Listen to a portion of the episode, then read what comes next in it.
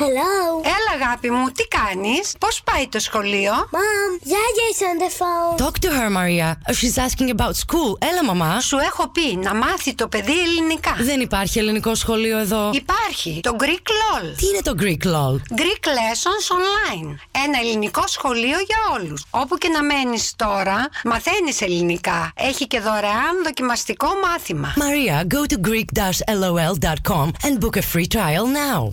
Greek Lessons Online is the biggest Greek online school and the first Greek school coming right to your door. All lessons are delivered by highly qualified native Greek teachers. Open the virtual door of the most popular and innovative online Greek school and book your free trial lesson today at greek-lol.com.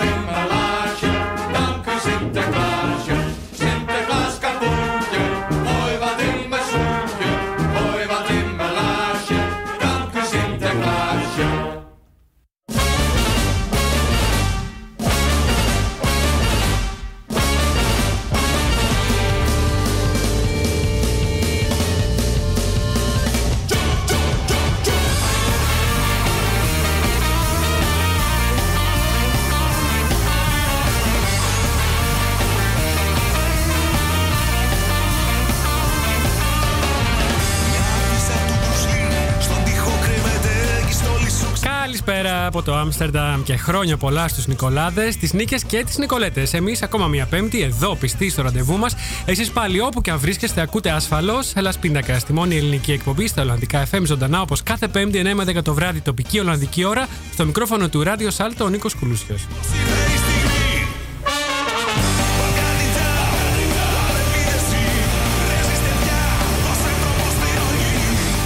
Εκπέμπουμε ζωντανά από το δημοτικό σταθμό του Άμστερνταμ. Υπάρχουν αρκετοί τρόποι για να μας ακούσετε live. Αν αγαπάτε το συμβατικό ραδιόφωνο, αυτό με την κεραία, και βρίσκεστε στο Άμστερνταμ, συντονιστείτε στο ράδιο Σάλτο. Στους 106,8 των FM. Καλωδιακά μας ακούτε από το κανάλι για τον 3,3 πάλι και μόνο στην περιοχή του Άμστερνταμ, ενώ διαδικτυακά μας ακούτε παντού στον κόσμο από το elaspitakas.com, το site μας, με ένα κλικ στο κουμπί Listen Now.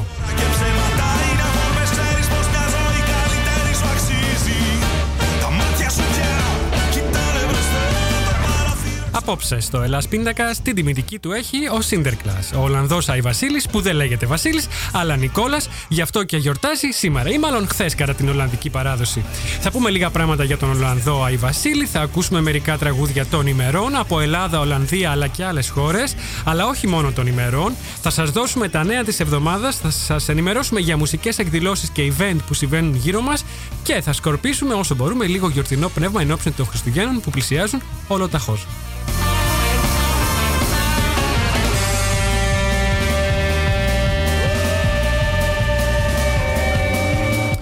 Μείνετε συντονισμένοι στο Hellas Pindakaas. Μας ακούτε κάθε Πέμπτη στις 9 το βράδυ από το Radio Salto. Θα μας βρείτε και στο site μας hellaspindakas.com αλλά και στα κοινωνικά δίκτυα στη σελίδα μας σε Facebook, Twitter και Instagram.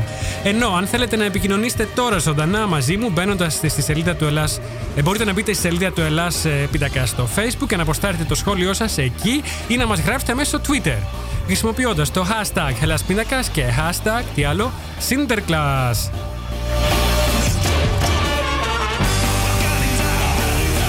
Αυτό είναι το κομμάτι, λέγεται Balkan Ninja, ανήκει στους Μπαίλτισα, δίνει μουσικά την έναρξη της εκπομπής κάθε πέμπτη και ευχαριστώ την μπάντα που μου το παραχώρησε για το Ελλάς Πίντακας.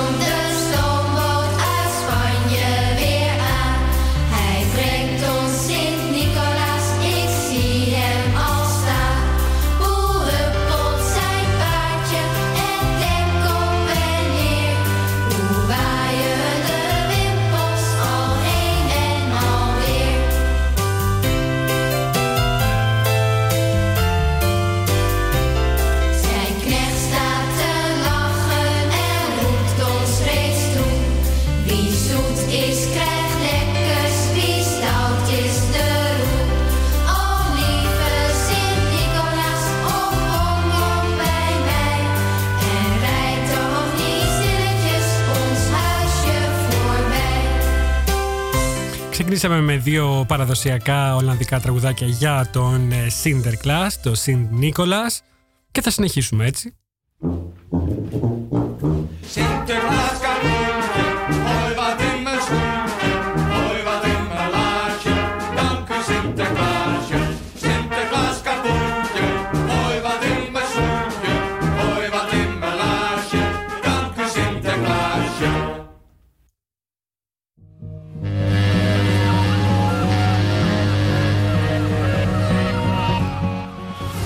Λοιπόν, θα ξεκινήσω από τον Καναδά. I'm gonna start with Canada as always. Hi from Amsterdam and Merry Christmas to all our friends over at agapigreekradio.com. Καλά Χριστούγεννα.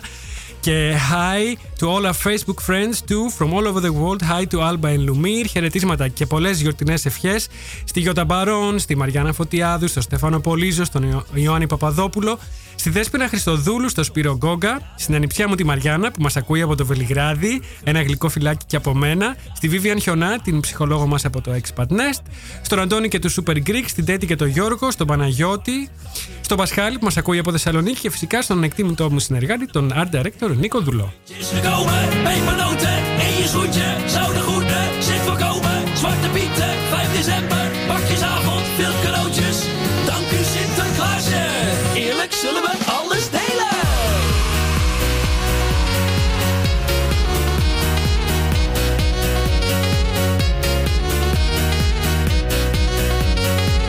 Μια πιο ε, αστεία έτσι, εκδοχή ε, ενός χριστουγεννιάτικου τραγουδιού για μ, τις μέρες αυτές. Ε, Ολλανδικού τραγουδιού φυσικά. Τώρα, αφού ξεκινήσαμε μουσικά με Ολλανδικά τραγουδάκια για τον Sinterklaas, να δούμε λίγο και ποιος είναι τελικά ο Sint Nicholas και ποια η σχέση του με τον Santa Claus κατά την Ολλανδική παράδοση. Pepernoten, Amerigo, het dakkel, Diewertje Blok, Tai Dijpel, Hoofd, Piet, Marsepein, chocolade, bisschop.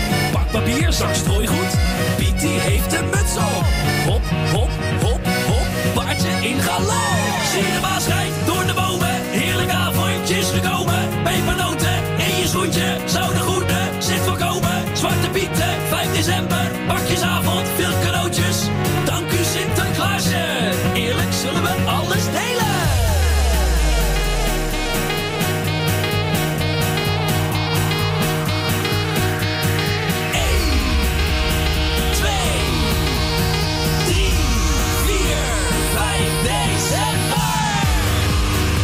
Καταρχήν να πούμε ότι ενώ το κόνσεπτ είναι το ίδιο, πρόκειται για έναν Άγιο που μοιράζει δώρα τα Χριστούγεννα, το όνομά του και η ιστορία του αλλάζει κάπως από χώρα σε χώρα, στην Ολλανδία συγκεκριμένα. Ο Sint Nicolaas είναι η κεντρική φιγούρα των Χριστουγέννων, αλλά γιορτάζει βασικά την παραμονή του Αγίου Νικολάου, χθες δηλαδή 5 του Δεκέμβρη.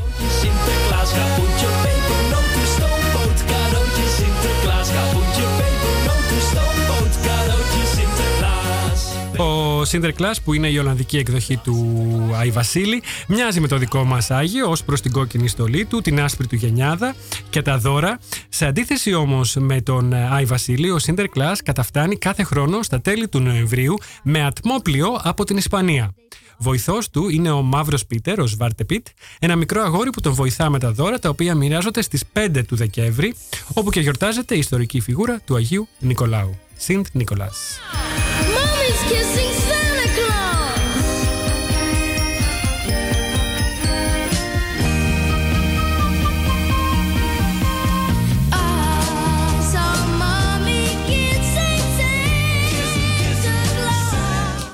Αυτή είναι η Jackson's 5.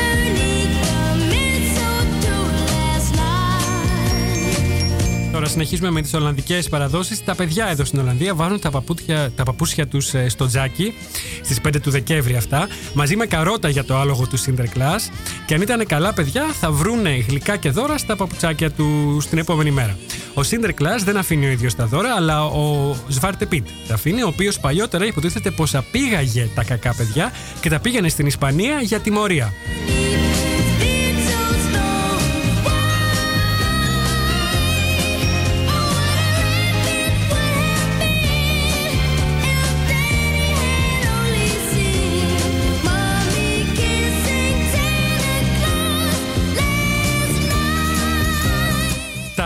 Χριστούγεννα τώρα, στις 25 δηλαδή του Δεκέμβρη, οι Ολλανδοί γιορτάζουν έναν παρεμφερή, αλλά όχι πανομοιότυπο Άγιο, τον Santa Claus, που είναι η πιο διεθνοποιημένη εκδοχή του Άι Βασίλη. Πρόκειται όμως και πάλι για τον Σεντ Νίκολας, τον Άι Νικόλα δηλαδή,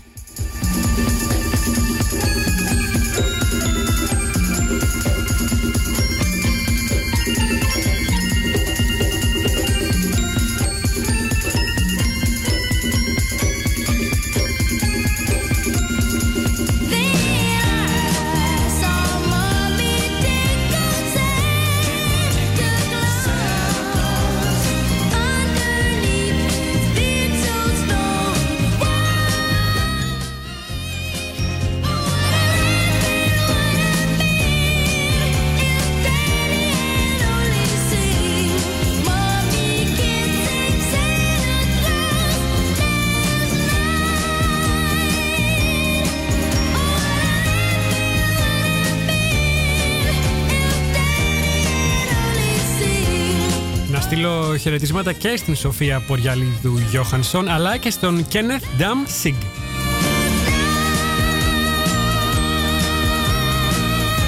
Τώρα, είδαμε τι συμβαίνει στην Ολλανδία από την άποψη των, εμ, σε σχέση μάλλον με τις παραδόσεις των Χριστουγέννων και των Sinterklaas, τον Άι Βασίλη τους, που δεν είναι άλλος από τον ε, Άγιο Νικόλα. Τώρα, τι ισχύει όμως σε άλλες χώρες ως προς τον Άγιο των Χριστουγέννων που φέρνει τα δώρα στα παιδιά; Για να δούμε να τις πάρουμε έτσι σχεδόν μία-μία ή σε ομάδες, σε γκρουφπάκια.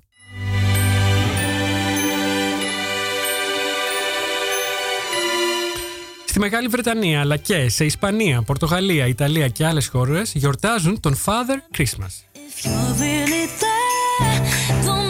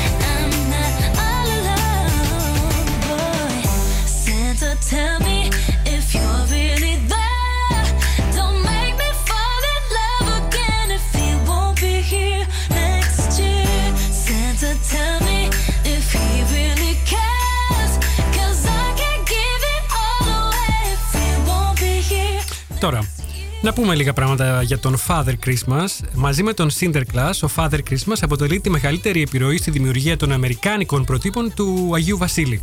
Στη σύγχρονη εκδοχή του μπορεί να μην ξεχωρίζει εύκολα από τον Άγιο Βασίλη, αλλά οι ιστορίες τους είναι διαφορετικές, αφού στις πρώιμες εκδοχές του απεικονίζεται ως ένας χαρούμενος ηλικιωμένος κύριος με πράσινη όμως ενδυμασία, ο οποίος δεν μοίραζε δώρα, αλλά περισσότερο εορταστικό πνεύμα.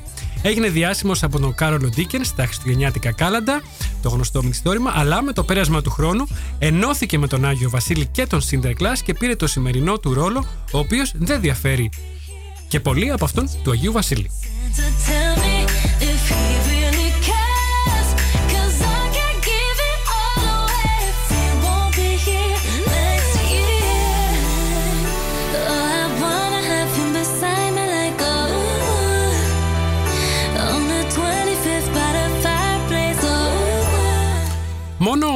Ο Άι Βασίλης όμως και ο Sinterklaas φέρνουν ε, δώρα.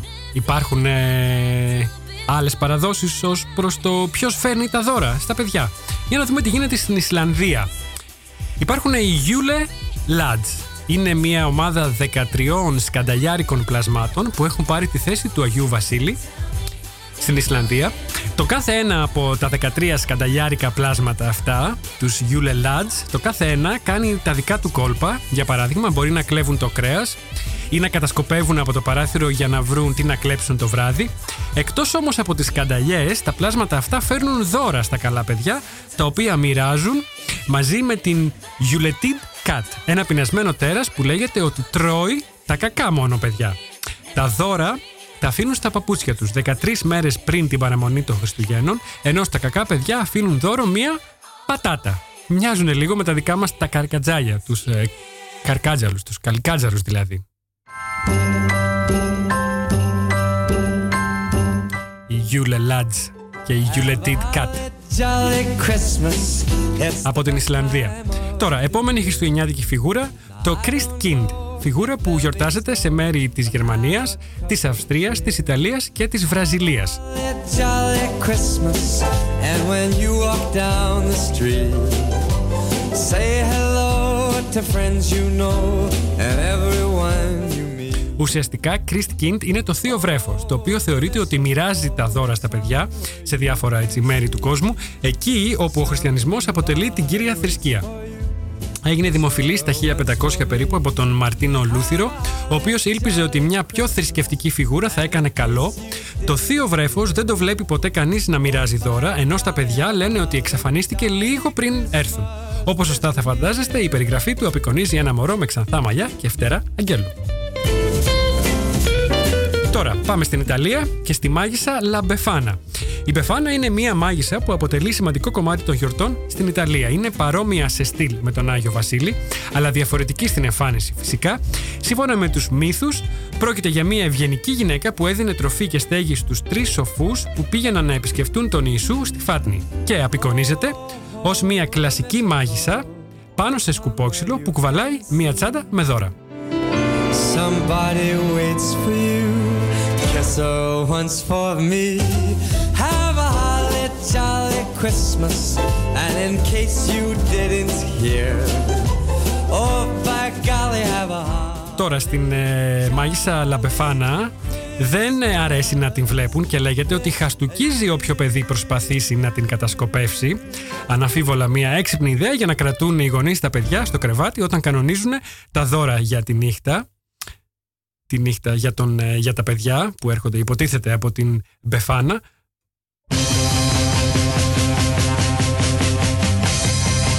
Τώρα, όπως και ο Άγιος Βασίλης, η Πεφάνα κατεβαίνει από την καμινάδα για να μοιράσει τα δώρα και αφήνει λίγο κάρβουνο ή στάχτη για τα άτακτα παιδιά. Ενώ λέγεται πως ρίχνει και ένα σκούπισμα στο σπίτι γύρω από το τζάκι πριν φύγει.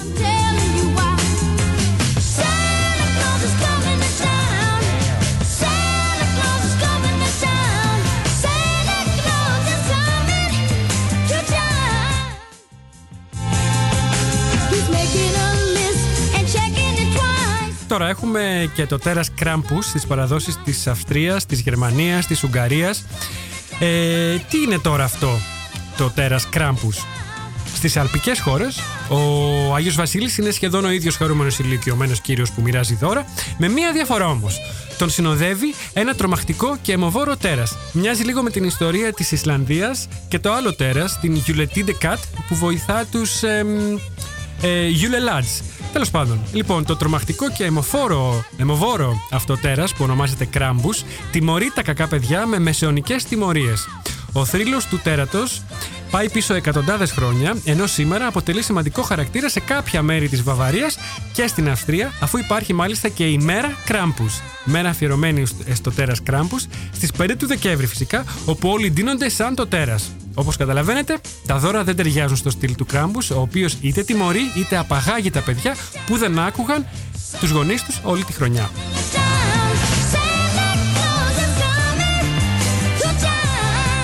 Και τέλος έχουμε τη φιγούρα του παππού του πάγου, a.k.a. Dead Moroz, από τις παραδόσεις της Ρωσίας, της Σερβίας, της Βοσνίας, της Ουκρανίας, των Σκοπίων, της Πολωνίας και άλλων χωρών της πρώην Σοβιετικής Ένωσης. Ο παππούς του πάγου μοιράζει δώρα στις σλαβικές χώρες της Ανατολικής Ευρώπης, όπως και ο Άγιος Βασίλης, φορά κόκκινη στολή και έχει άσπρο μουσι, αλλά δεν χρησιμοποιεί ταράνδου και έλκυθρα, προτιμά τον παραδοσιακό ρωσικό τρόπο με τα τρία άλογα. Ο Ντέτ Μωρός καταφτάνει την παραμονή της πρωτοχρονιάς ή την πρωτοχρονιά και φέρνει δώρα για τα παιδιά, βάζοντάς τα κάτω από το δέντρο, αν και σε διαφορετικές βερσιόν εμφανίζεται στα πάρτι και μοιράζει τα δώρα χέρι-χέρι. Μοιάζει λίγο με το δικό μας Άι Βασίλη, κάπως, τουλάχιστον ως προς την, προ- ως προς την ημέρα της γιορτής του, την πρωτοχρονιά.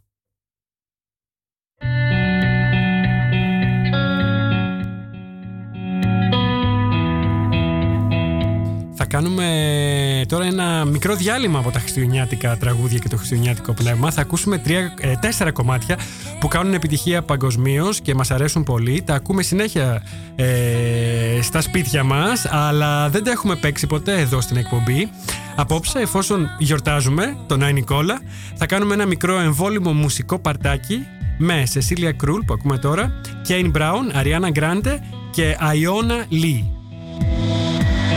Και να ευχαριστήσω με την ευκαιρία αυτή όλους τους φίλους που μου ευχήθηκαν για τη γιορτή μου μέσω facebook και μέσω όλων των άλλων τρόπων και μεθόδων που υπάρχουν.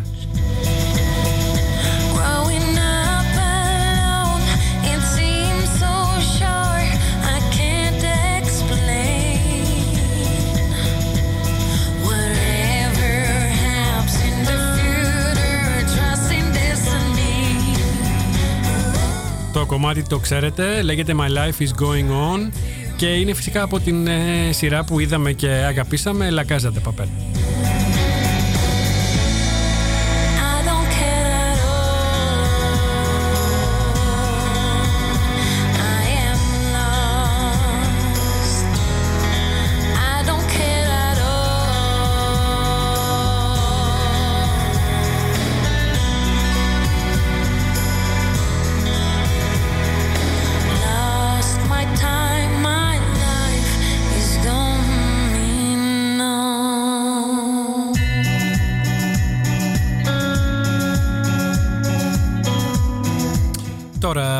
Σήμερα είναι και η μαύρη επέτειος από τη δολοφονία του Αλέξανδρου Γρηγορόπουλου, την εμψυχρό δολοφονία του Αλέξανδρου από τον αστυνομικό Επαμινόνδα Κορκονέα. Είναι πολλά τα θέματα που ανακύπτουν από τη δολοφονία αυτή.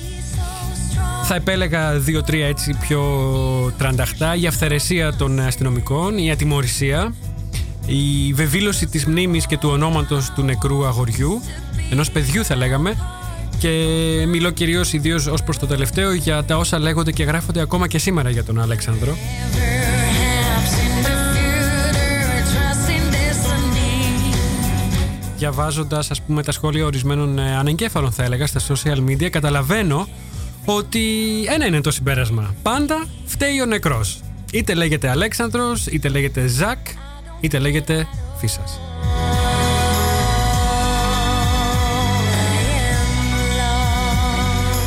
Και όλα αυτά τα θέματα της αυθαιρεσίας, της ατιμορρησίας και της βεβήλωσης της μνήμης και του ονόματος ενός νεκρού διχάζουν ακόμα την ελληνική κοινωνία, τη διχάζουν, την κόβουν στα δύο, δυστυχώς θα έλεγα εγώ, γιατί και τα τρία αυτά, όλα και τα τρία αυτά τα συγκεκριμένα ε, ζητήματα της αυθαιρεσίας, της ατιμορρησίας και της βεβήλωσης της μνήμης ενός νεκρού ε, θεωρούνται αυτονόητα ως προς, το, ως προς το ότι δεν πρέπει να ε, συμβαίνουν και να γίνονται αυτονόητα σε μια ευνομούμενη και πολιτισμένη κοινωνία όπως θέλουμε να πιστεύουμε ότι είναι η ελληνική.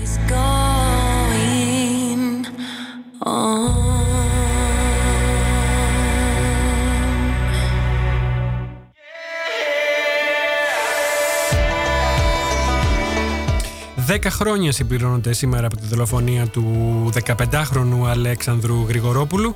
Η δικαστική μάχη δεν έχει λήξει ακόμα, καθώς ο Κορκονέας δικάζεται σε δεύτερο βαθμό. Η επόμενη συνεδρίαση του δικαστηρίου στο μεικτό ορκωτό εφετείο της Λαμίας έχει οριστεί για τις 10 του Δεκέμβρη. Τώρα δηλαδή, μέσα στο μήνα αυτό, ο 47χρονος σήμερα επαμεινώντας Κορκονέας έχει τα- καταδικαστεί σε ισόβια κάθυρξη και παραμένει κρατούμενος των φυλακών Δομοκού. Είναι όμως και αμετανόητος ο Κορκονέας. Να σας θυμίσω ότι πέρυσι ο Αλέξης Κούγιας εγκατέλειψε την υπεράσπιση Κορκονέα όταν ε, ο Κορκονέας τον Φεβρουάριο του 17 αρνήθηκε να ζητήσει συγγνώμη λέγοντας ότι έτσι ένιωσε μετά την οκτάχρονη ταλαιπωρία που έχει υποστεί. Τον ταλαιπωρήσαμε κιόλας τον άνθρωπο.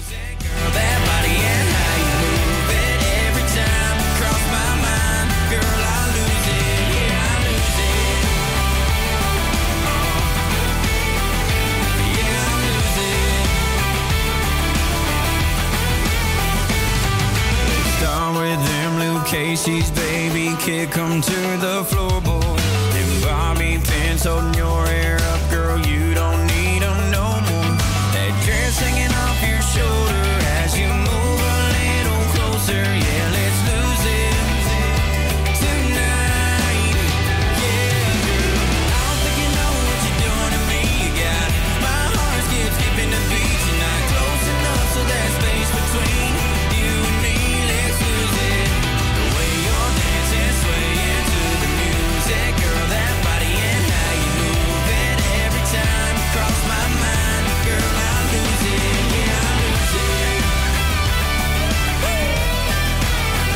είναι ο Kane Brown. Το κομμάτι λέγεται Lose It. Να σας υπενθυμίσω ότι το συμμαχικό διαδικτυακό ραδιόφωνο από το Τορόντο του Καναδά, το Αγάπη Greek Radio, αναμεταδίδει το Ελλάς Πιντακά στην εκπομπή μας μέσω διαδικτύου σε όλο τον πλανήτη για όσους είστε στην Ολλανδία ή σε κάποια χώρα με την ίδια ώρα με την Ολλανδία. Μας ακούτε από το agapigreekradio.com σε ηχογραφημένη αναμετάδοση, σε κονσέρβα δηλαδή, κάθε μέρα στις 12 το μεσημέρι και στις 9 το βράδυ.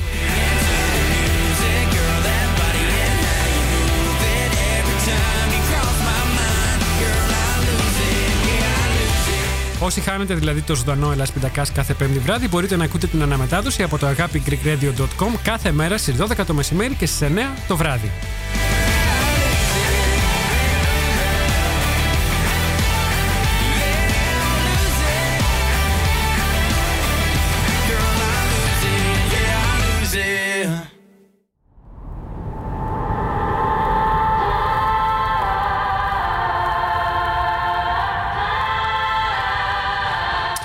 Βέβαια, on demand που λέμε, όλες τις παλαιότερες ε, εκπομπές μας μπορείτε να τις ακούτε και μέσα από το site μας, elaspinacas.com, μέσα από την ενότητα εκπομπές ή απλά μέσα από το κανάλι μας στο SoundCloud.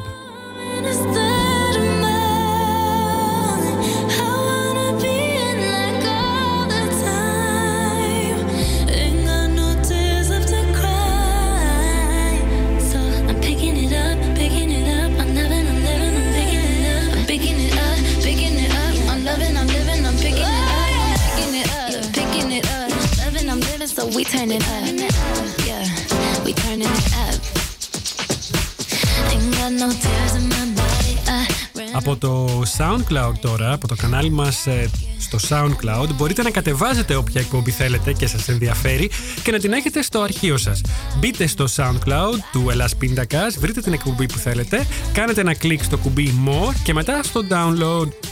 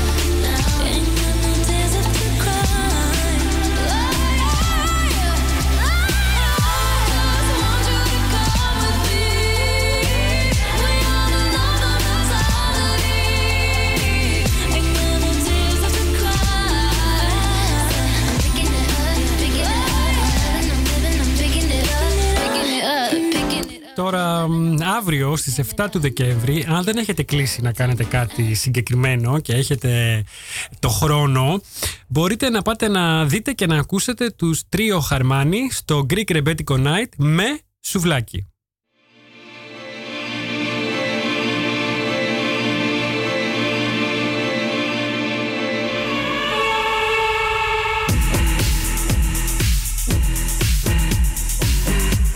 Αφήσαμε πίσω μας πριν την Ariana Grande που ακούσαμε για δεύτερη φορά σήμερα. Ε, το προηγούμενο ήταν το No Tears Left to Cry και τώρα ακούμε Iona Lee Not Human. Σας έλεγα όμως μέχρι να μπει η Iona Lee στο κομμάτι για ένα μουσικό event αύριο στις 7 του Δεκέμβρη. Είναι το τρίο Χαρμάνι σε ένα Greek ρεμπέτικο night, βραδιά ελληνικού ρεμπέτικου, with σουβλάκι. Με σουβλάκι. Greek ρεμπέτικο night with σουβλάκι. Πού; Στο Mix 3 Schiploudenlaan 12 στο Άμστερνταμ. And out of bliss,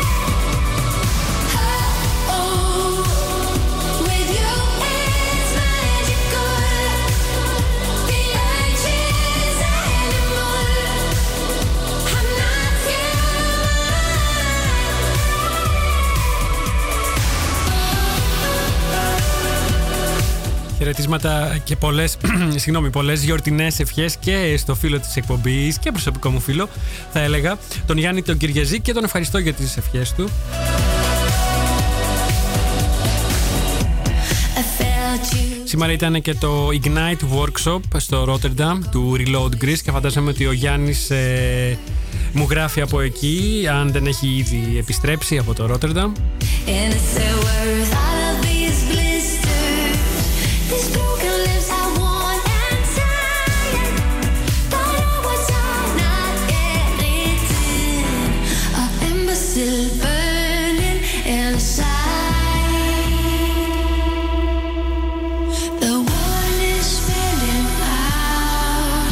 Χαιρετίσματα και πολλές ευχές και στη Μαρία Σκούλα.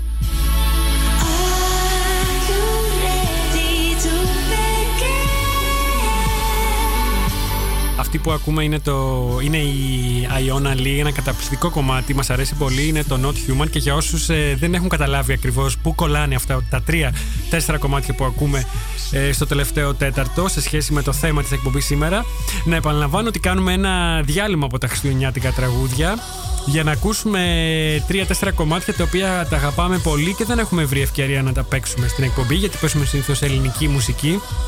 Οπότε απόψε, εφόσον γιορτάζουμε τον Άι Νικόλα, τον Σίντερκλας, τον Ολλανδό Άι Βασίλη ε, και όλους τους Νικολάδες και τις Νικολέτες. Κάνουμε ένα μικρό εμβόλυμο μουσικό παρτάκι με Σεσίλια Κρούλ, ακούσαμε ήδη το κομμάτι από το La Casa de Papel με Kane Brown, το κομμάτι Lose It Ariana Grande, το Not Is Left to Cry και τώρα ακούμε Iona Lee και Not Human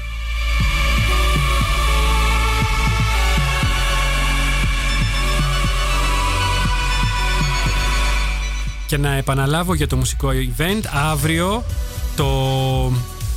την μίνι συναυλία θα λέγαμε, ρεμπέτικη βραδιά Τρίο Χαρμάνι, Greek Ρεμπέτικο Night with Σουβλάκι. Η Τρίο Χαρμάνι σε μια ελληνική ε, σε μια βραδιά ελληνικού ρεμπέτικου, βραδιά ρεμπέτικου, με σουβλάκι παρακαλώ πολύ, που στο Mix 3 Skip Loud and Lan 12 εδώ στο Amsterdam. Ποιοι είναι όμως οι Τρίο Χαρμάνι;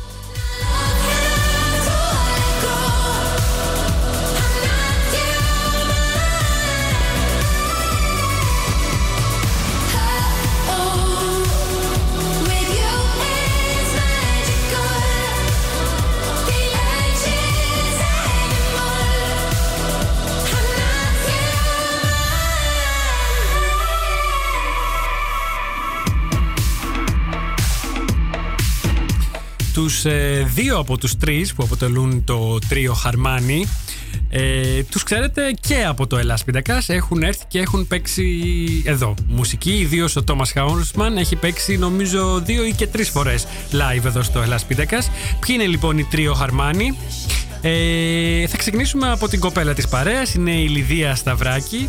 Ε, Κάνει φωνητικά και drums Παίζει drums. Μεγάλωσε στη Θεσσαλονίκη Να ακούμε και μ, το επόμενο κομμάτι.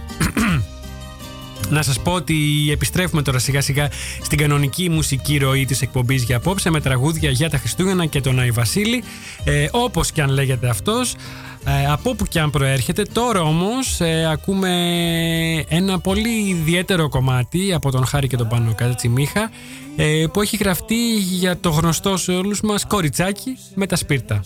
Χιόνι Σπίρτα στο δρόμο Άρχισε το ψωμόνι. Χρόνια πολλά, χρόνια καλά. Χρόνια ευτυχισμένα. Κι αν περισσεύει μια δραχμή Σκεφτείτε με και μένα κι αν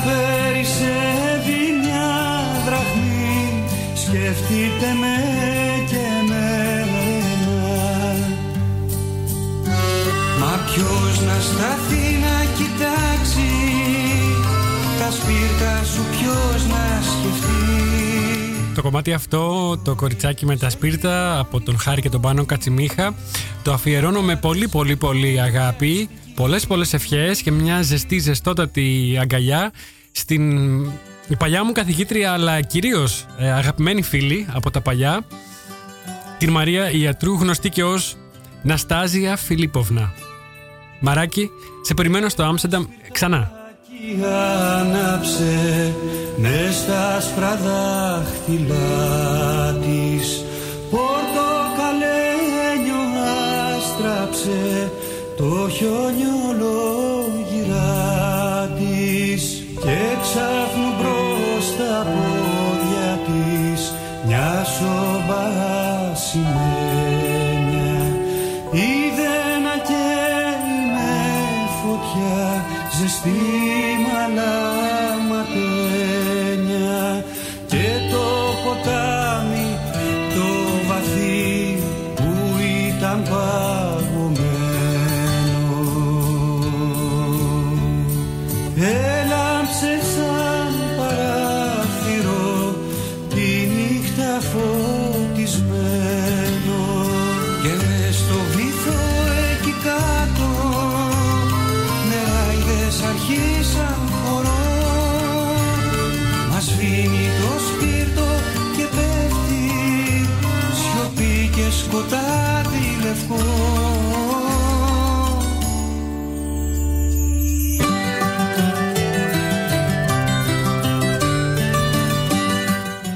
Είναι όντω ένα πολύ όμορφο κομμάτι. Θέλω όμως να συνεχίσω και να τελειώσω αυτό που σας έλεγα για το τρίο Χαρμάνι. Σας έκανα μία μικρή παρουσίαση των τριών μελών του τρίο, ε, του τρίο Χαρμάνι. Λοιπόν, η πρώτη είναι η Λιδία Σταυράκη, η οποία κάνει φωνητικά και παίζει drums. Είναι, ε, γεννη- μεγάλωσε στη Θεσσαλονίκη. Ε, μένει στο Ρότερνταμ αυτή τη στιγμή. Παίζει συνήθως jazz, αλλά τραγουδάει και ρεμπέτικο ε, σε διαφορετικά σχήματα. Τώρα, ο δεύτερος στην παρέα είναι ο γνωστός σε όλους μας ε, στα ελληνικά θα το πω, ο Ολλανδός ρεμπέτης Θωμάς Νικοκύρης, Τόμας Χάουσμαν, που παίζει μπουζούκι και τραγουδάει. Φυσικά γεννήθηκε στο Ρότερνταμ. Ε, αγάπησε, λάτρεψε το ρεμπέτικο όσο ήταν στη Θεσσαλονίκη στο Απιθύτα κάνοντας ε, ένα πρόγραμμα Εράσμους ακολουθώντας ένα πρόγραμμα ε, ανταλλαγής φοιτητών και αυτή τη στιγμή παίζει και τραγουδάει ε, ρεμπέτικα τραγούδια στην Ολλανδία αλλά και στην Ελλάδα. Και ο τρίτος της παρέας είναι ο Αντώνης ε, Λαραου- ε, μ, Λαουράισεν. Λοράισεν. Ε, πάντα με δυσκολεύει αυτό το επίθετο. Έχει πάρα πολλά φωνήεντα ε, στη σειρά. Λοιπόν, ο οποίος ο Αντώνης είναι δύο τα αδέρφια ε, Λαουράισεν. Ε, ο Αντώνης τώρα θα βρίσκεται με το τρίο Χαρμάνι. Ο Αντώνης παίζει κιθάρα και τραγουδάει. Ε, έρχεται φυσικά από την Κρήτη. Τους είχαμε εδώ τους ε, Μάλε Βράσε, ε, μας τα είπανε και οι ίδιοι. Ε, Είναι γνωστή η μουσική πα- παράδοση της Κρήτης και την ακολουθούν και τα δύο αδέρφια πιστά. Ε, παίζει ρεμπέτικα από πολύ μικρή ηλικία ο Αντώνης και είναι φυσικά ένα ιδρυτικό μέλος. Τον ε, μάλευράσε μαζί με τον ε, αδερφό του, τον τρίτο της παρέας. Αυτή τη στιγμή δεν το θυμάμαι. Να με συγχωρέσει. Πάμε να ακούσουμε Χριστούγεννα από τον Φίβο Δελιβοριά. Χριστούγεννα Δεν περιμένω όμως τίποτα πια. Τον Άι Βασίλη απλώς τον λέγαν μπαμπά. Κι είναι ένας πρώην Έλλην αριστερός Ένας θνητός Με το όνειρό του δίχως στέγη καμιά. Και το ανοιξιάτικο κορίτσι μαμά. Πλακώνεται απ' τη συνταγή την παλιά Οι μυρωδιές θυμίζουν κάτι βαρύ Κάποια πληγή που απλώς δεν θέλουμε να ανοίξει ξανά. Χριστούγεννα Τα Playmobil μου είναι εξαιτίας μου κουτσά. Σφισμένα στη σαμπάνια βεγγαλικά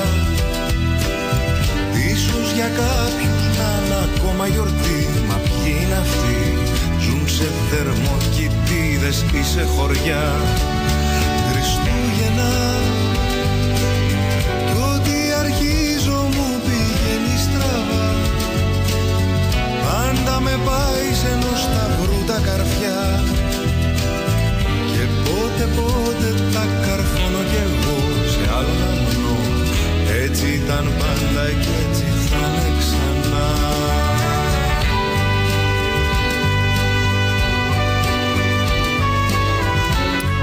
κάνω μια αναφορά σε όσους ε, μπήκαν στον κόπο να μου γράψουν ε, δύο-τρεις έτσι ωραίες κουβέντες γλυκές ε, ευχετήριες στο, στο facebook του, τουλάχιστον που το έχω εδώ εύκαιρο. Θα ξεκινήσω με πολλά πολλά ευχαριστώ και ανταπόδοση, ανταπόδοση των ευχών. Από την, ε, θα ξεκινήσω με την Ευανθία Σακελάρη. Ευχαριστώ πολύ για τις ευχές Ευανθία. Ε, ευχαριστώ επίσης Πού είστε, σας έχασα. Πάντοτε αποδεκτό Τα έχασα όλα τα παιδιά. Έμεινα στην Ευανθία. Λοιπόν, ευχαριστώ επίσης τον ε, Στέλιο Δαμίγο, τη Χριστίνα Καμπούρη, ε, που είναι κάτι παραπάνω από φίλοι. Ε, θα έλεγα είμαστε σχεδόν οικογένεια με τη Χριστίνα και την υπόλοιπη, ε, τους υπόλοιπους ε, γύρω τριγύρω της. που δεν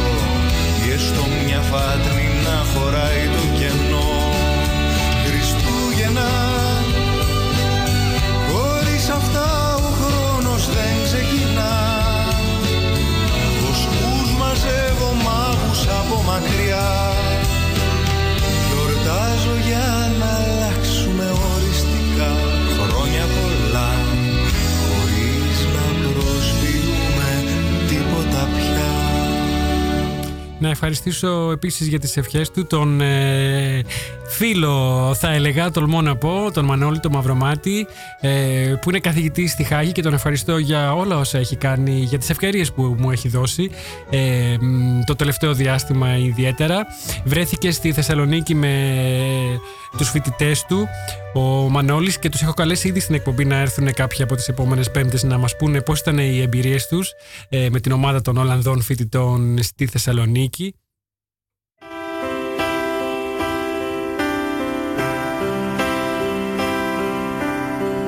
Έξω σωπαίνει ο καιρός και καλοδέχεται. Μια υποψία από χιόνι σαν δρόμο. Από το τζάμι έξω βλέπεις και ονειρεύεσαι. Αυτή τη νύχτα που σταμάτησε ο χρόνος. Είναι Χριστούγεννα ξανά και όλοι χαίρονται Να ευχαριστήσω επίσης ε, για τις ευχές τους την παλιά μου συμμαθήτρια που την αγαπώ π- πολύ πολύ. Συνεχίζω να την αγαπώ. Παρόλο που δεν βλεπόμαστε. Έχουμε καιρό να τα πούμε. Τη Φιλιππία. Τη Φιλιππία Εμμανουήλ που είναι στο Λονδίνο. Ε, ευχαριστώ επίσης ε, στον Τζον Βαρκάρη, στη φίλη μου, την κολλητή μου από το σχολείο. Ε, από τις λίγες από τους λίγους φίλους που έχω κρατήσει αρκετά κοντά μου, τη φίλη μου τη Βάσια, την Καραμαλή. Χαιρετίσματα επίσης και ευχαριστώ για τις ευχές στον Παύλο, στον Κώστα τον Ουζούνη, που είμαστε επίσης κάτι σαν οικογένεια από τα Μάλχαρα, ένα από τα δυο μου χωριά, από της μαμάς μου την πλευρά. Ε, ευχαριστώ επίσης τον Αλέξανδρος Γιώγα, τον ε, Νίκο Δούλο φυσικά που βρήκε το χρόνο να μου απαντήσει και να μου αντευχηθεί και αυτός σήμερα την, Δήμη- την Δήμητρα Μαργαρέτ Πετάει ψηλά τη μολυβένια τη στολή του. Παίρνει ζωή, στέκεται στα πόδια του. Και ψιθυρίζει ένα τραγούδι απ' την ψυχή του. Θα είσαι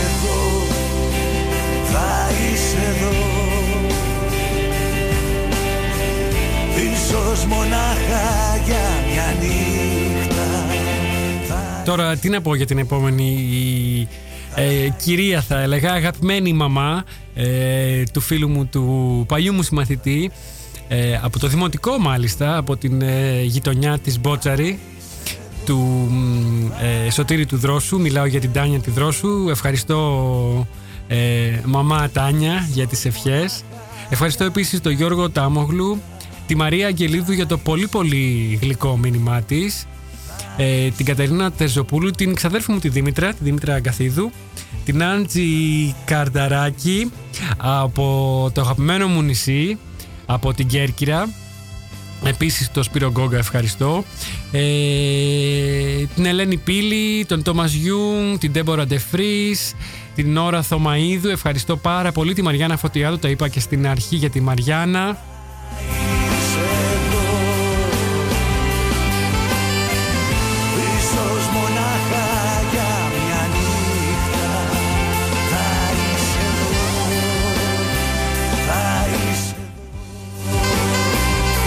Λοιπόν, να το πω για ακόμη μια φορά. Ε, ρεμπέτικη βραδιά. Τρίο Χαρμάνι, Greek Rebetiko Night with σουβλάκι.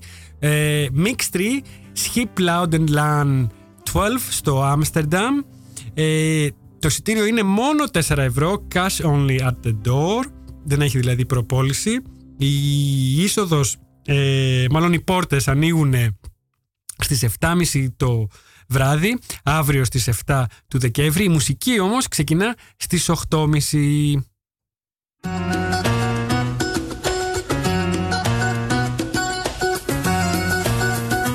Και κάτι ακόμα, το Σάββατο 15 Δεκέμβρη στο καφέ Ντουέντε στο Άμστερνταμ Flamengo Singing Classes. Μαθήματα τραγουδιού φλαμέγκο από τη φίλη της εκπομπής την Γιώτα Μπαρόν. Συνεχίζονται τα μαθήματα και εμείς στηρίζουμε όπως μπορούμε τους φίλους της εκπομπής και ιδιαίτερα όσους είναι τόσο δραστήριοι όσο η Γιώτα Μπαρόν. Και ο Τόμας Χάουσμαν και ο Αντώνης Στην αρχή ο χρόνος γυρνά Το έρκυθρο ηχεί τα αστέρια περνά Ο Άι Βασίλης πάλι θα έρθει Ο σάκος βαρύς αν ήσουν καλός Τα δώρα θα βρεις στο τζάκι σε μπρος. Ο Άι Βασίλης πάλι θα έρθει. Σε βλέπει όταν κοιμάσαι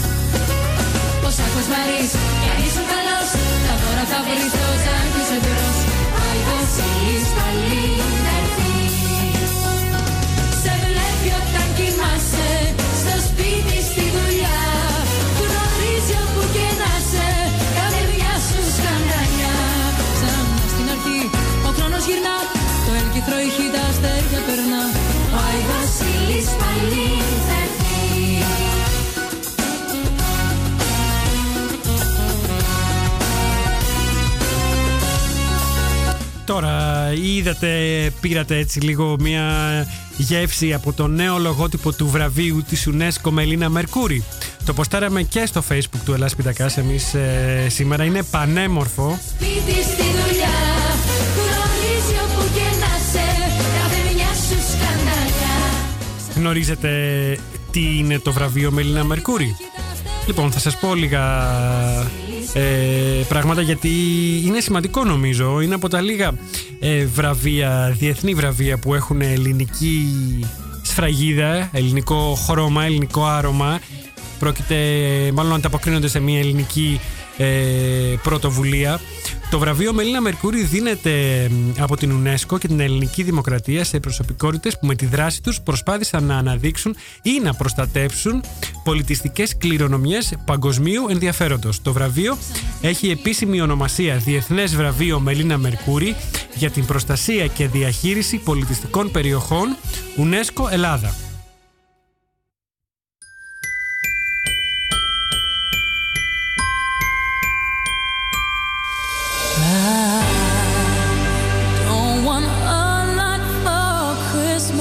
lives.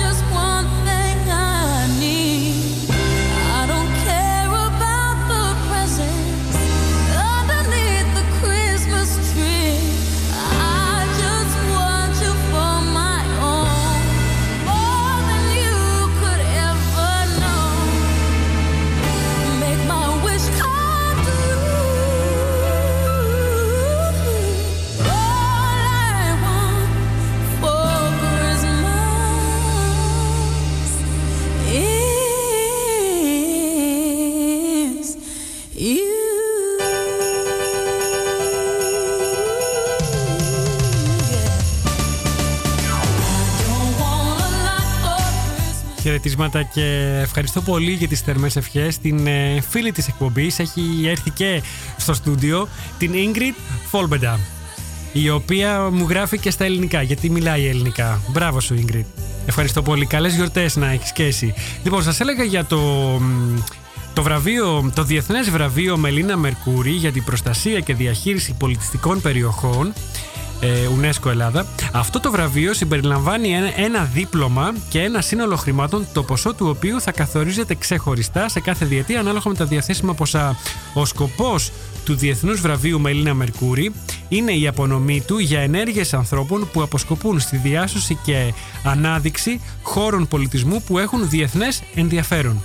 Είναι αφιερωμένο φυσικά στο όνομα της, ε, μεγάλης, της, της μεγάλης, της ανεπανάληπτης Μελίνας ε, μίας, ε, μ, ε, η οποία υπήρξε μία πρόδρομος όλων αυτών των ενεργειών, εμπνεύστρια του διαλόγου για την ανάδειξη των χώρων και επανένωσή τους ε, για όσους χώρους έχουν αφαιρεθεί κομμάτια τους και βρίσκονται διασκορπισμένα σε μουσεία ανά τον κόσμο, μία ξέχαστη ηθοποιό, το λιγότερο θα λέγαμε, ε, μία μοναδική ανεπανάληπτη υπουργό πολιτισμού για την Ελλάδα, ένα σύμβολο, ε, icon που λένε και οι Εγγλέζοι, και απροπό υπάρχει και μεγάλη κινητικότητα και στο θέμα της επιστροφής των Μαρμάρων τον τελευταίο καιρό που πρώτη ανέδειξε η μεγάλη Μέλινα Μερκούρη. Για να δούμε τι θα γίνει και σε- σε αυτό το μέτωπο.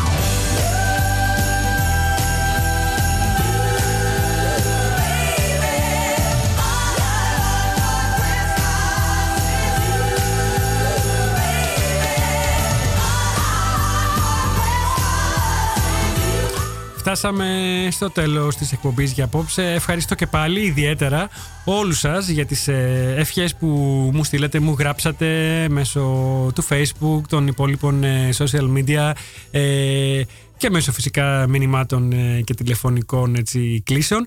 Καλά Χριστούγεννα να έχουμε. Καλές γιορτές σε όλους, ε, όπως και να τις γιορτάζετε. Ε, να ευχηθώ καλές γιορτές, χωρίς μίση, χωρίς πάθη. Ε, τα, για τα κακά πάθη μιλάω.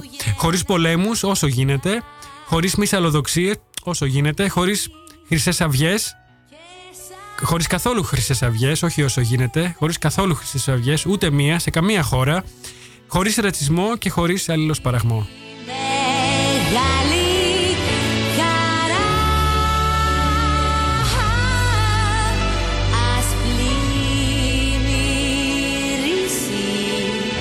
την καρδιά Δεν είπαμε τίποτα για την ε, αποκαθήλωση του I Am Amsterdam, του ε, γλυπτού αυτού ε, λογότυπου από την ε, πόλη του Άμστερνταμ, από το Δήμο του Άμστερνταμ, το οποίο, στο οποίο έχουν φωτογραφηθεί πάρα πολλοί τουρίστες. Είναι τεράστια γράμματα που γράφουν I am Amsterdam με, ε, σε κόκκινο και λευκό χρώμα. Συνήθως ε, βρίσκεται στημένο μπροστά στο Rijksmuseum ε, χαλώντας ως ένα βαθμό ε, την αρμονία που έχει όλος ο χώρος του Museum Quartier, του τετραγώνου με τα μουσεία.